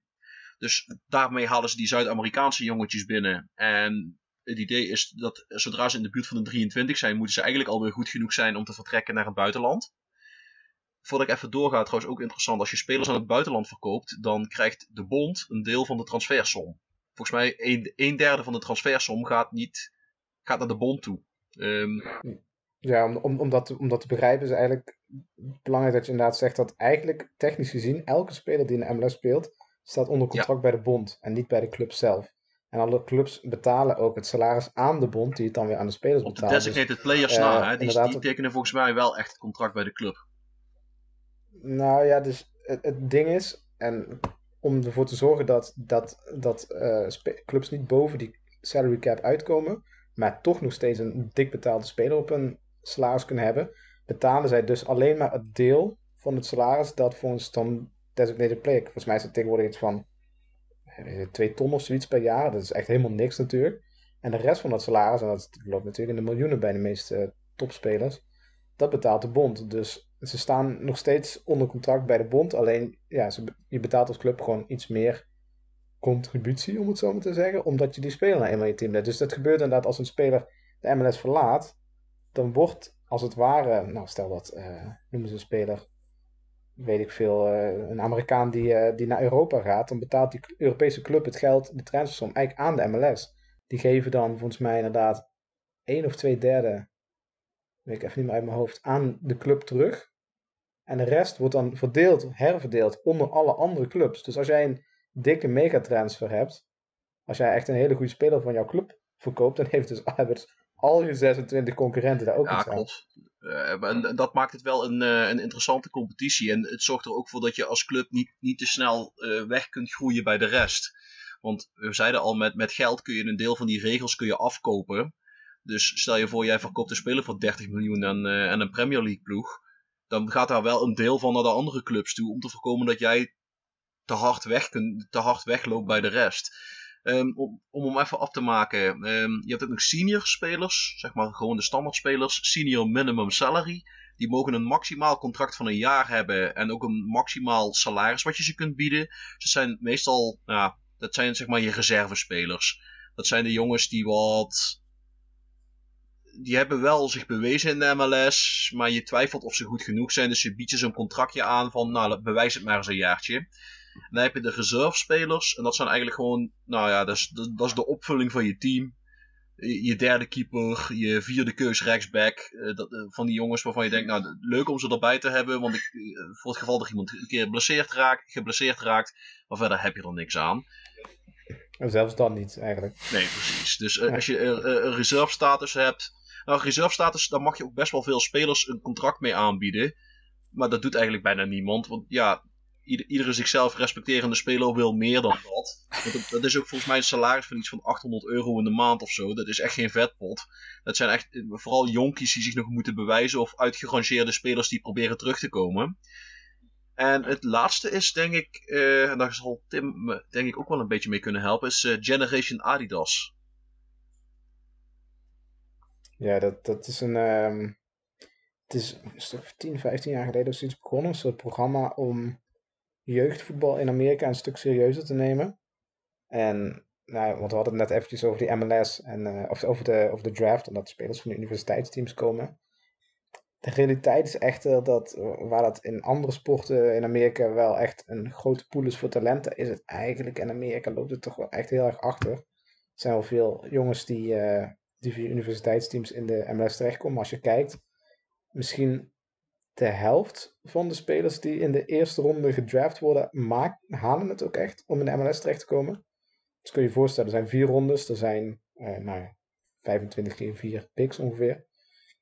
Uh, als daar maar iets van 10 spelers uiteindelijk binnen een paar jaar nog steeds in de MLS spelen, dan is dat al veel. Ja, het, het, het verloop is enorm. De, me, de, meeste jongens die krijgen één of twee jaar de kans. En als je het dan niet hebt laten zien, dan stroom je weer af naar die semi-profclubs. En dan krijg je ook geen nieuwe kans meer. Ja, en, en, maar ze zijn. En dat is gewoon het verschil tussen college niveau en de MLS is toch wel onder, in de laatste jaren heel erg groot geworden. Omdat het niveau van college niet echt is meegegroeid. En, en daarom zie je ook dat um, die Generation Adidas, dat is dat is destijds verzonnen om um, spelers die. Uh, om, om clubs toch aan te moedigen om die, om die spelers op hun, in hun roster te houden, zodat ook jeugdspelers werden uh, ontwikkeld.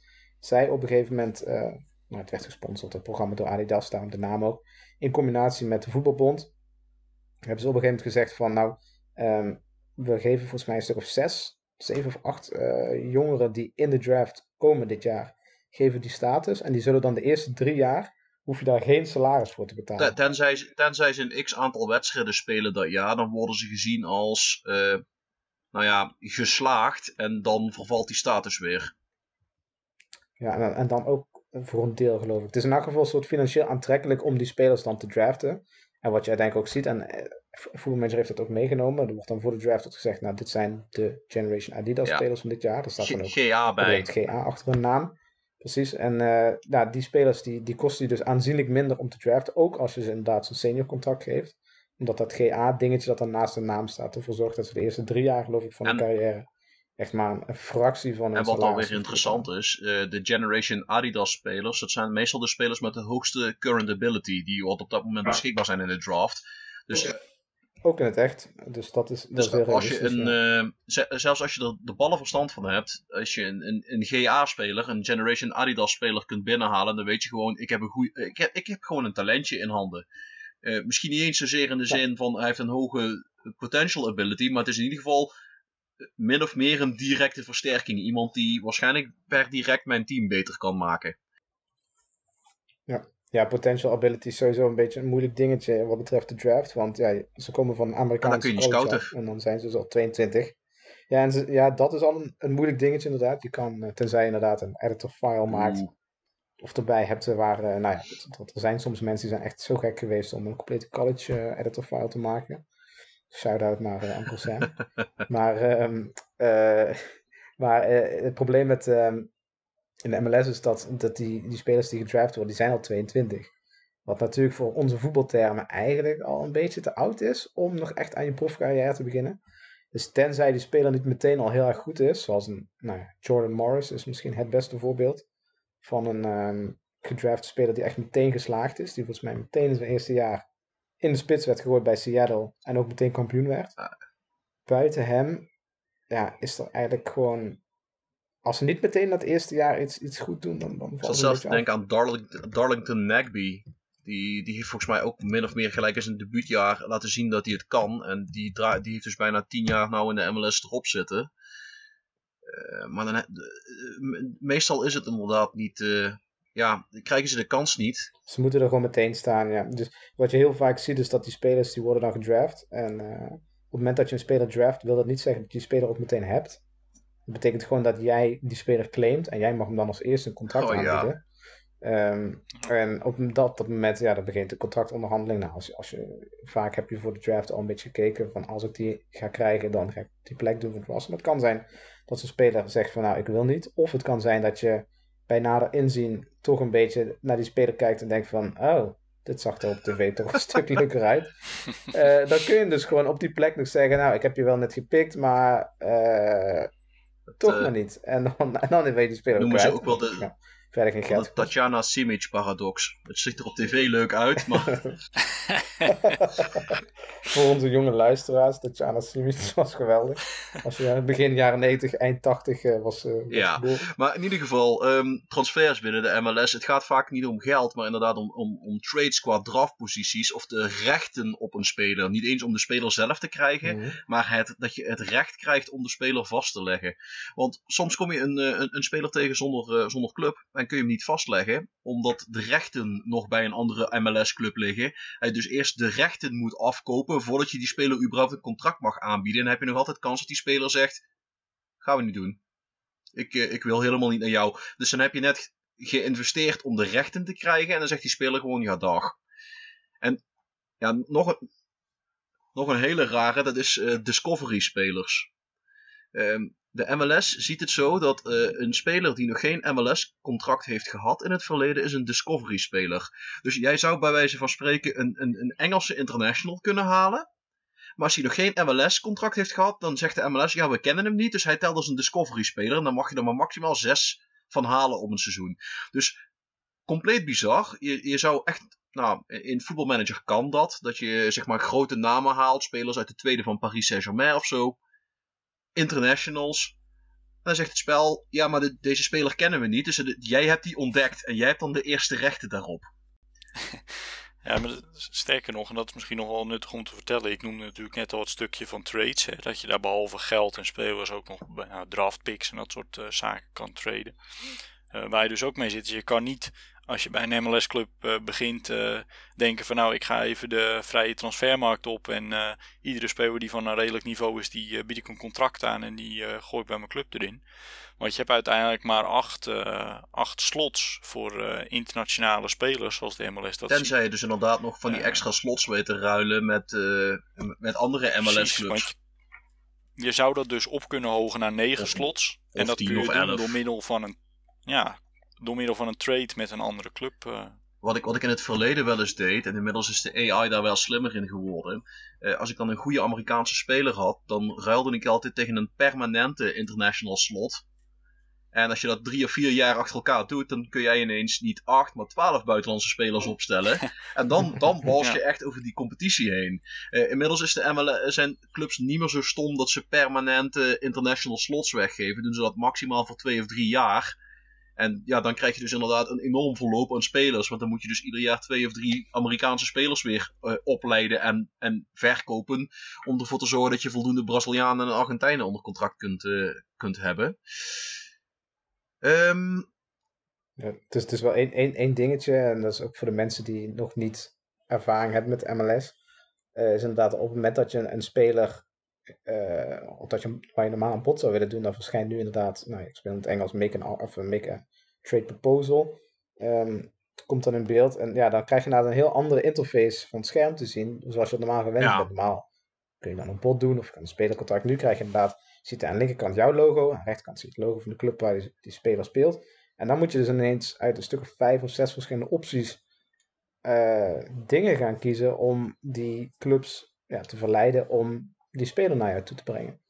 En ja, daar zit ook wel een, daar kun je ook wel wat een beetje mee uitbuiten. Uh, dat is misschien wel leuk om, om te vermelden. Jij had het al over hoe jij al die international uh, spots uh, verwerft. Nou, dat is top. Dat moet je sowieso doen, want meer internationale spelers is toch wel beter in de MLS nu nog.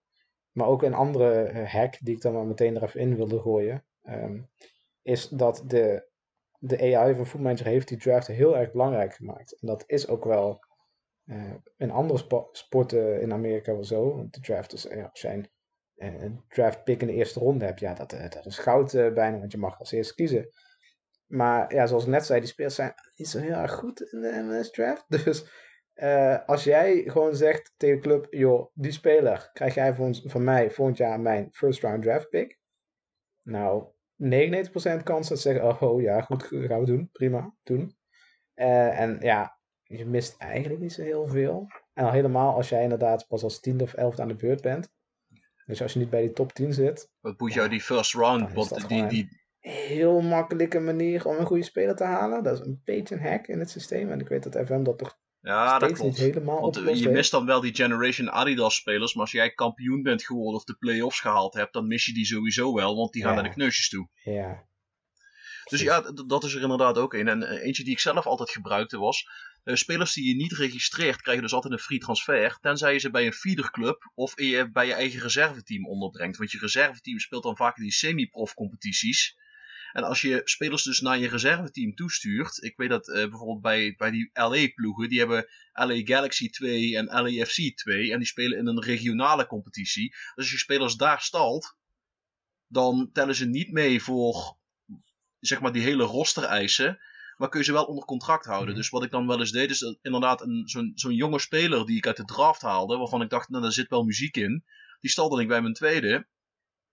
En dan telde die niet mee voor de regeltjes. En dan kon ik hem toch twee of drie jaar zeg maar, zich laten ontwikkelen. In de hoop dat hij dan goed genoeg was om naar het eerste toe door te stoten. Dus, en, en als je. Dat is ook, Ja. ja. dat is ook wel wat, wat die clubs nu ook willen. Ze merken nu ook wel dat zo'n jonge gast eh, meteen in de ploeg opnemen, dat dat eigenlijk niet echt werkt. En eh, dat, dat, dat LA Galaxy 2, wat je noemt, volgens mij heeft nu bijna elke ploeg wel zo'n tweede team. In Ja, de die, meeste eh, wel. Die klopt, er- of in die competitie eronder, geloof dat die de USL heet tegenwoordig.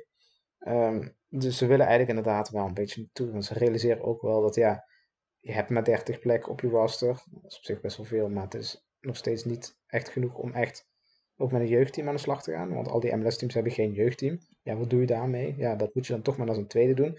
Dus wat jij zegt inderdaad, daar gaan ze in de competitie ook wel een beetje nu naartoe. Ja, ik denk dat het ook wel, ook wel nodig is. Maar als je nou denkt van, ja, dit klinkt eigenlijk helemaal niet aantrekkelijk. Bedenk dan, eh, er spelen best wel wat grote namen, toch, toch nog in de MLS. Eh, en zeg maar, de MLS heeft ook best wel een, een, een Nederlands tintje. Eh, er staan volgens mij 10 of 11 Nederlandse spelers onder contract. Kenneth Vermeer, die heeft bij LAFC gespeeld. Die is daar in het echt vertrokken, maar in voetbalmanager staat hij daar nog onder contract. Eloy Room staat bij de Columbus Crew onder contract. Ehm, hey, deze ken je ook nog, Fabian. Kelvin Leerdam. Ja, ja, ja. En die is zelfs, die is zelfs Ja. landskampioen geworden, één of twee keer. In Ja, die Amerika was eh, topspeler bij Seattle. en, en nou een van, de, een van de dragende spelers van Inter Miami. Eh, dan hebben we, eh, ja, moet ik wel zeggen, als je, het- als je het nou zo zegt en je hebt het over middenmoot eredivisie, dat klopt wel. eh, want dan zie je hier staan Michael van der Werf, Vito Wormgoor en. Johan Kappelhof. Sylvester, Sylvester van der Water. mij nog.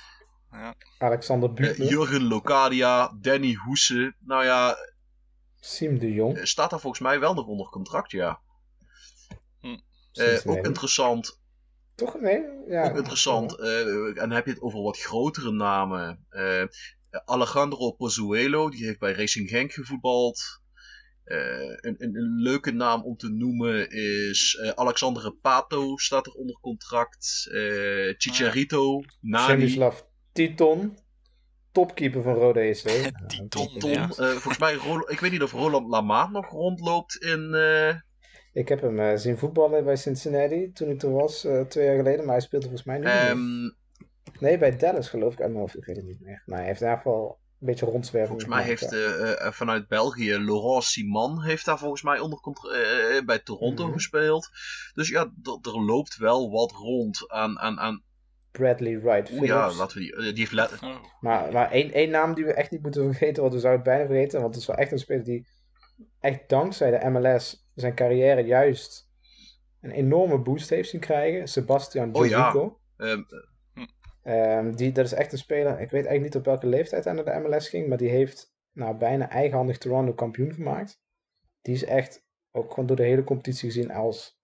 Ja, hij is gewoon echt een uithangbord geworden voor de competitie, omdat hij op zo'n relatief jonge leeftijd naar Amerika ging en daar ook echt zo succesvol is geweest, dat hij de hele competitie naar boven ja, hij, ging niet als, hij ging niet als uitgebluste vedette, maar hij kwam. Hij zat min of meer in de kracht van zijn leven op het moment dat hij koos voor een eh, avontuur bij, eh, bij Toronto. Ja.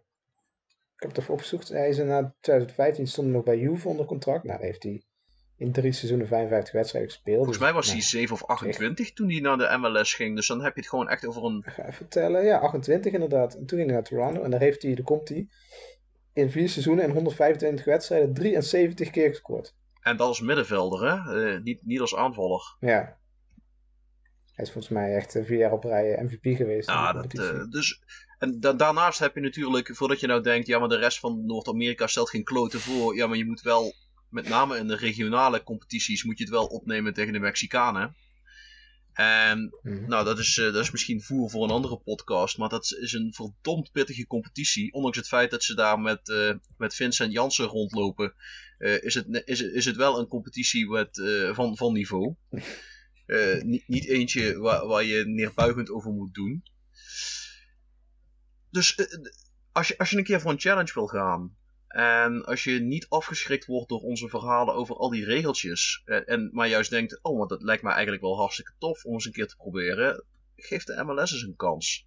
Want je, je, kunt, je kunt er wel wat mee. Trouwens, een Nederlands tintje, daar vergeten we eh, Guram Kashia en eh, Valerie Kazaishvili nog. Want die rennen, die rennen daar volgens mij ook nog steeds rond.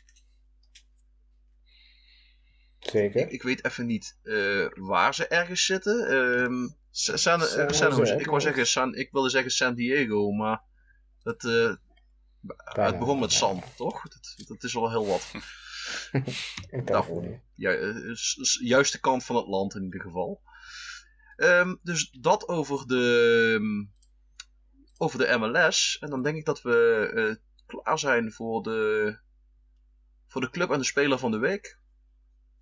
Misschien, misschien een laatste tip voor mensen inderdaad nog steeds denken van ik zou het wel willen, durf, willen doen, maar jezus, die regels en, en, en, en, en trades en, en moeilijk, moeilijk, moeilijk. Nou, het fijne is dat eh, op het moment dat je een save opstart in de MLS, dat is gewoon even een basistip die ik geef, zijn clubs vaak compleet in die zin dat eh, de rosterregels kloppen. Dus je hebt in principe een soort van puzzel die is al klaar. Hè? Dus je moet het een beetje zien als een als dat puzzeltje wat je vroeger had, dan heb je 16 van die vakjes en er is eentje open. En dan kun je nou gaan schuiven. Nou, dat is een beetje hoe de MLS werkt. Je hebt een puzzel die ligt al. En die is, die is klaar. Die, daar kun je eigenlijk niet echt iets in verkloten. Ook al denk je van, jezus, zoveel verschillende regels en zoveel verschillende soorten contracten, dat weet ik allemaal niet. Nou, het fijne is, je gaat naar je scherm met spelers, die klopt. Als je op bevestigen zou drukken, zou je gewoon meteen die eerste wedstrijd mogen spelen. Niks aan de hand. ga je gewoon naar registratie boven in beeld. En zie je op een gegeven moment een overzicht. Achter elke naam staat er precies hoe die speler, wat die precies is op het roster. En eigenlijk wat je gewoon altijd gaat doen is, als je denkt, oh, ik wil deze speler hebben. Hoeveel gaat die kosten? Uh, wat voor contract wordt het dan? Nou, dan weet je automatisch, nou, dan moet ik dus een speler uit diezelfde categorie waarschijnlijk laten gaan. Of je downgrade die speler een beetje door, door zijn contract een beetje af te kopen. En op die manier moet je gewoon steeds gaan denken. het is gewoon een puzzel. Je gaat gewoon steeds. Je haalt één puzzelstukje eruit. Dat vul je met een ander puzzelstukje. Dan vul je eruit. Dus moet niet meteen gaan denken: oké, leuk, uh, lekker team bouwen, 20 nieuwe spelers erin. Dat gaan we sowieso nee. niet worden. Je haalt er misschien per jaar vijf of zo. Als je, als je echt heel goed bent.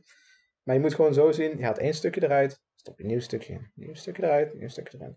Als je het echt niet meer weet, zorg gewoon dat je zoveel mogelijk internationale slots uh, erin uh, plant. En al je goede spelers wegtrade voor de internationale slots. Want dan kun je het helemaal niet meer verkloten. Dan heb je gewoon alle ruimte om te doen wat je wil. En, en gewoon pak het op die manier aan. Wanneer je het spel opstart, in principe kun je niks meer fout doen. Alles staat. Je zou ook kunnen zeggen, ik vind het prima. Ik, hou, ik, ik zie het even een jaartje aan. En ik wacht gewoon totdat de computer mij um, een, een bot doet voor een speler of zo. Dan, ga ik op die manier een beetje verder. Maar je kan in principe, de basis staat er al. Je kan daar eigenlijk heel veel fout doen. En Google ook vooral op, uh, of YouTube vooral eens op MLS Roster Rules Explained. Er staan ontzettend veel goede filmpjes op YouTube uitgelegd. Ja. Kan ik echt iedereen aanraden. Er staan echt gewoon filmpjes van, nou, een kwartiertje, twintig minuten leggen ze alles uit. En ook met screenshots en alles. Er is ontzettend veel informatie om te vinden. Dus uh, probeer het vooral. Het is echt een competitie waar je, ja, volgens mij echt ontzettend lang, leuk, met één team. Is ja, wees, wees er in ieder geval vooral niet bang voor. Laat je niet afschrikken. Want ook al verkloot je het helemaal, het jaar daarna was je... Als je niet ontslagen wordt. Gewoon, uh, Moeten we er wel even bij zeggen, Tim. Uh... ja. ja, kleine disclaimer. En, en, zelfs dan zijn de, zijn, de, zijn, de, zijn de clubbesturen een stuk minder kritisch. Misschien had iemand dat wel tegen zeg maar, uh, onze grote vriend Jaap Stam moeten zeggen. Dat hij dat het weliswaar mag proberen te verkloten, maar dat je niet onbeperkt het mag verkloten. Um, het is gelukkig dat hij bij een nieuwe club ja, zit. Nou ja, ik denk niet dat hij, dat hij uh, zeg maar, als het hier misgaat, dan denk ik niet dat hij nog een, uh, nou, misschien wel kan hij bondscoach worden, want Frank de Boer heeft het ook verkloot in, uh, in de VS, die werd gewoon bondscoach. Als je zelfs het werk van Tata Martino verkloot. Dat is knap hoor. Dan snap ik echt niet hoe je, hoe je ooit nog. ja, de, hij had het. maar goed, dat is een heel ander had het sterkste, het sterkste team van de MLS en hij slacht er gewoon om, om ja, kans, kansloos zeg maar, eruit te vliegen overal. Maar uh, laten we naar de, de club en de speler van de week gaan. En ik uh, heb begrepen dat Fabian een, uh, een leuke heeft voor de speler van de week. What is going on here? He's done it again! Oh, genius! Absolute genius! De speler van de week. Ja, ja, ik zat na te denken in die zin geheel in het thema. Hè, moeten we toch wel eigenlijk met een Amerikaanse speler op de proppen komen. Uh, en ik uh, kwam toevallig laatst een leuk artikeltje over hem tegen. Dat is uh, Luca de la Torre. Ik denk de meeste van ons wel bekend. middenvelder speelt voor Heracles Almelo dit seizoen. En, en, het leuke aan hem is, hij is, hij is zeg maar, afgelopen jaar is hij transfervrij binnengekomen bij, bij Heracles. van Fulham kwam hij af. Uh, hij heeft eigenlijk niet uh, de hele situatie doorlopen die we, waar, waar, we over gesproken hebben met MLS, hè, met een draft en zo. Hij is eigenlijk direct uh, gesigned door Fulham, terwijl hij nog in het semi-profniveau speelde. Um, en hij heeft vanwege zijn goede spel bij Heracles, heeft hij afgelopen begin dit jaar in maart zijn terugkeer gehad in het nationale team. Had al één cap achter zijn naam staan, dat stamde uit 2018. Um, maar heeft de afgelopen eh, periode dus weer eh, bij het nationale team meegedaan. Uh, en het leuke wat ik dus tegenkwam uh, was, uh, en dat is ook wel weer een beetje in het kader van Amerikaans kijken naar statistieken. Hè? Nou, Moneyball hebben we natuurlijk ook over gesproken. Hm. hij heeft dus de op één na beste paasnauwkeurigheid in de eredivisie dit seizoen. Hij dult alleen Davy Klaassen boven zich. Ja, maar hij verslaat bijvoorbeeld middenvelders als Ryan Gravenberg. Dus ja, dan en het voltallige uh, Feyenoord moet je in mijn optiek wel wat kunnen. zeg, Sorry? en het voltallige Feyenoord middenveld. Nee, nee maar ik, heb dat, ik heb dat artikel trouwens ook gelezen. Daar stond, uh, daar stond toevallig nog een speler van Fortuna hoog genoemd. Uh, George Cox. En, als het gaat om zijn schotconversie. Want die had een hogere schotconversie dan menige spits. Die heeft 13 keer op doel geschoten en 5 keer gescoord. Wat, dat, wat een ontzettend hoog gemiddelde is. En dan helemaal voor een verdediger. Ja, dat is ook knap inderdaad. En het mooie aan de Latorre is, hij is 22. Dus als je met de juiste manier, denk ik, ook in FM hem eh, de goede begeleiding geeft, dan kan het gewoon een hele fijne middenvelder worden voor je selectie. Absoluut. Maar voor speler van, voor, voor club van de week. Brilliant! Just brilliant! He gave that the works! Oh, what about that? What about that? De club van de week. Uh, heb ik eerst gedacht, ik heb zelf een aantal MLS-avontuurtjes gehad. Onder andere met Chicago, met uh, New York City FC, met allebei de ploegen uit LA. Ik heb onder andere. Nou ja, ik heb heel veel, heel veel ploegen gehad, maar een ploeg waarvan ik met name dankzij Martino dus een, eh, een heel warm gevoel bij krijg, is nog steeds Atlanta United. En de reden waarom ik ze club van de week wil maken, is eigenlijk omdat ze eh, geen typische Amerikaanse voetbalclub zijn. De meeste Amerikaanse voetbalclubs hebben ook niet echt fanatieke supporters. Maar dat is in Atlanta dus wel zo. Uh, Atlanta FC, uh, Atlanta United, sorry, is opgekomen vanuit de semi-profs. En die hadden zich op dat lagere niveau al neergezet als een ploeg met ontzettend fanatieke supporters. En die hebben dat eigenlijk ook in de, in de MLS voortgezet. En nou, wat, wat ook heel leuk is, is dat ze een selectie hebben met veel Zuid-Amerikaanse jongens erbij. Eh, veel jonge Argentijnen. Uh, ik noem uh, even Santiago Sosa. Die gezien werd als een enorm talent van River Plate. Ook Argentijns onder 20 international. Alan Franco speelt tot sinds dit seizoen. Een Argentijnse centrumverdediger met 83 wedstrijden voor Independiente achter zijn naam. Nou, we hebben nog steeds Joseph Martina daar, daar spelen. Wat een, een doelpuntenmachine van heb ik jou daar is. Martinez, maar dat was voornamelijk in 2018. Ja, maar het is, het is er nog steeds één. hij, heeft, hij heeft een hele vervelende blessure gehad. Maar ja. En, ja, daarna kwam die Frank de Boer tegen. Dat, dat heeft zijn carrière ook geen goed gedaan. Ja. wat, wat, jongens, wat, wat, wat, wat, moeten we nou hiervan maken? We proberen onze luisteraars een beetje hoopvol te krijgen over het aankomende EK. En het enige wat we de afgelopen uur gedaan hebben, is gezegd dat onze bondscoach er eigenlijk niet zo heel veel van kan. is dat ook zo? Um, Om even terug te komen. Um, een, een, een, naam die FM-spelers kennen is uh, Ezequiel Barco. Uh, aanvallende oh, middenvelder, vleugelspeler. Uh, ook Argentijns onder 20 international en inmiddels al een aantal seizoenen actief in, in Amerika. Een wat oudere naam is Lisandro Lopez, onder andere bekend van zijn tijd bij Porto en Lyon. die is inmiddels ook neergestreken op daar. En ik wil, uh, nou ja, ze hebben nog een paar zeg maar, uh, Argentijnse, Braziliaanse, Paraguayaanse jongens onder contract staan. Maar ik wil ook nog even uh, George Bello noemen. En dat is een, ondanks het feit dat het, het klinkt Italiaans, maar het is een, het is een Nigeriaans Amerikaan. En een, een van de grotere talenten, denk ik, in de MLS wel, in voetbalmanager op dit moment. linksback, zeg maar moderne linksback. Eentje met, uh, eentje met power. Eentje die langs de hele vleugel kan opstormen. Een beetje, een beetje als Alfonso Davies. Maar dan eentje die wel kan verdedigen. Ah. dus dat, dat, zou, uh, dat, dat, zou mijn, uh, dat zou mijn club van de week zijn. En ja, ik weet niet of een van jullie dan nog iets op wil, aan wil toevoegen of wil aanvullen. Nou ja, als laatste misschien, uh, ik zie ook de naam van Brad Guzan staan. Brad Guzan, hoe uh, spreek je het uit? Het is die keeper die jarenlang in uh, Engeland bij verschillende clubs is neergestreken. Ja, en omdat hij dus inderdaad een Amerikaan is, krijgt, hij, krijgt hij in de MLS nog wel een contractje, omdat ze aan hun homegrown spelerregeltjes moeten voldoen. Precies, en een beetje ervaring is nooit mis in je selectie. Nou ja, dus, en een keeper gaat nog wel even mee. Oh, dus Tim Howard, die heeft, Om dan laat, Tim Howard heeft het toch ook tot zijn veertigste volgens mij volgehouden zo'n beetje in de MLS. Ja. ja, dat kon op een gegeven moment eigenlijk niet meer, maar ja. Ja, dat... Om nog een laatste, laatste paar veren in de reet te stoppen van Atlanta misschien... Uh, dat, uh, wat, wat, wat, een mooie ontwikkeling is in, uh, in, in Amerika, in de, Amerika sorry, in de Amerikaanse competities, dat je steeds meer ziet dat ze niet meer in die grote Amerika voetbalstadions spelen, maar steeds meer verhuizen naar van die kleinere stadions van 20, 25.000 man, die gewoon ook echt dan vol zitten.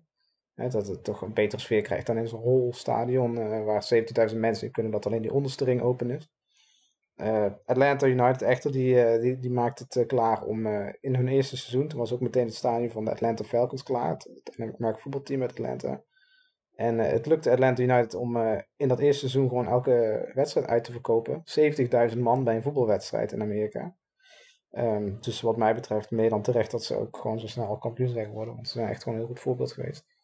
En uh, ja, ik zeg niet dat alle clubs uh, uiteindelijk ooit weer in Amerika voetbalstadions moeten gaan spelen. Want uh, je ziet dat echt de sfeer er ontzettend in is toegenomen op de tribunes. Dat ze in die kleinere stadions spelen. Maar als het je lukt.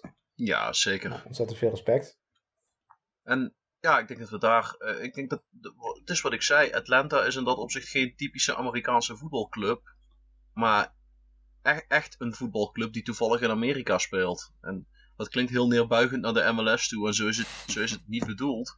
Maar ja, zo, zo komt het wel over op het moment dat je inderdaad in een veel te groot stadion speelt, wat je eigenlijk niet vol krijgt. Dan, dan ja, dit, is gewoon echt een ploeg die leeft in de gemeenschap daar. Dus echt, echt, echt een aanrader. Dat gezegd hebbend, dames en heren, um, we hebben echt, uh, volgens mij is dit onze langste aflevering tot nu toe. Um, ja, mede dankzij alle regels van de MLS uh, heb je die tijd wel nodig. We willen jullie bedanken voor het luisteren. Uh, als jullie vragen willen insturen, dan kan dat via Twitter of via podcast.manunited.nl. En dan mag Fabian ons af en toe voorlezen wat we daar tegenkomen. Um, als je jezelf nou een keer als gast in onze podcast wilt terugzien, dan kan dat. Je kunt jezelf uitnodigen. Uh, je kunt zeggen, ik heb daar en daar verstand van. En dan kijken wij wel of we dat gecombineerd krijgen met de onderwerpen die wij willen gaan bespreken. Als je ons wil rectificeren, dan mag dat ook. We doen er niet altijd iets mee, maar het mag gewoon. Uh, vergeet vooral niet om je te abonneren op onze podcast, zodat je gewaarschuwd wordt wanneer we een nieuwe aflevering droppen. We willen jullie bedanken voor het luisteren en blijf veilig. De Voetbal Managers United podcast.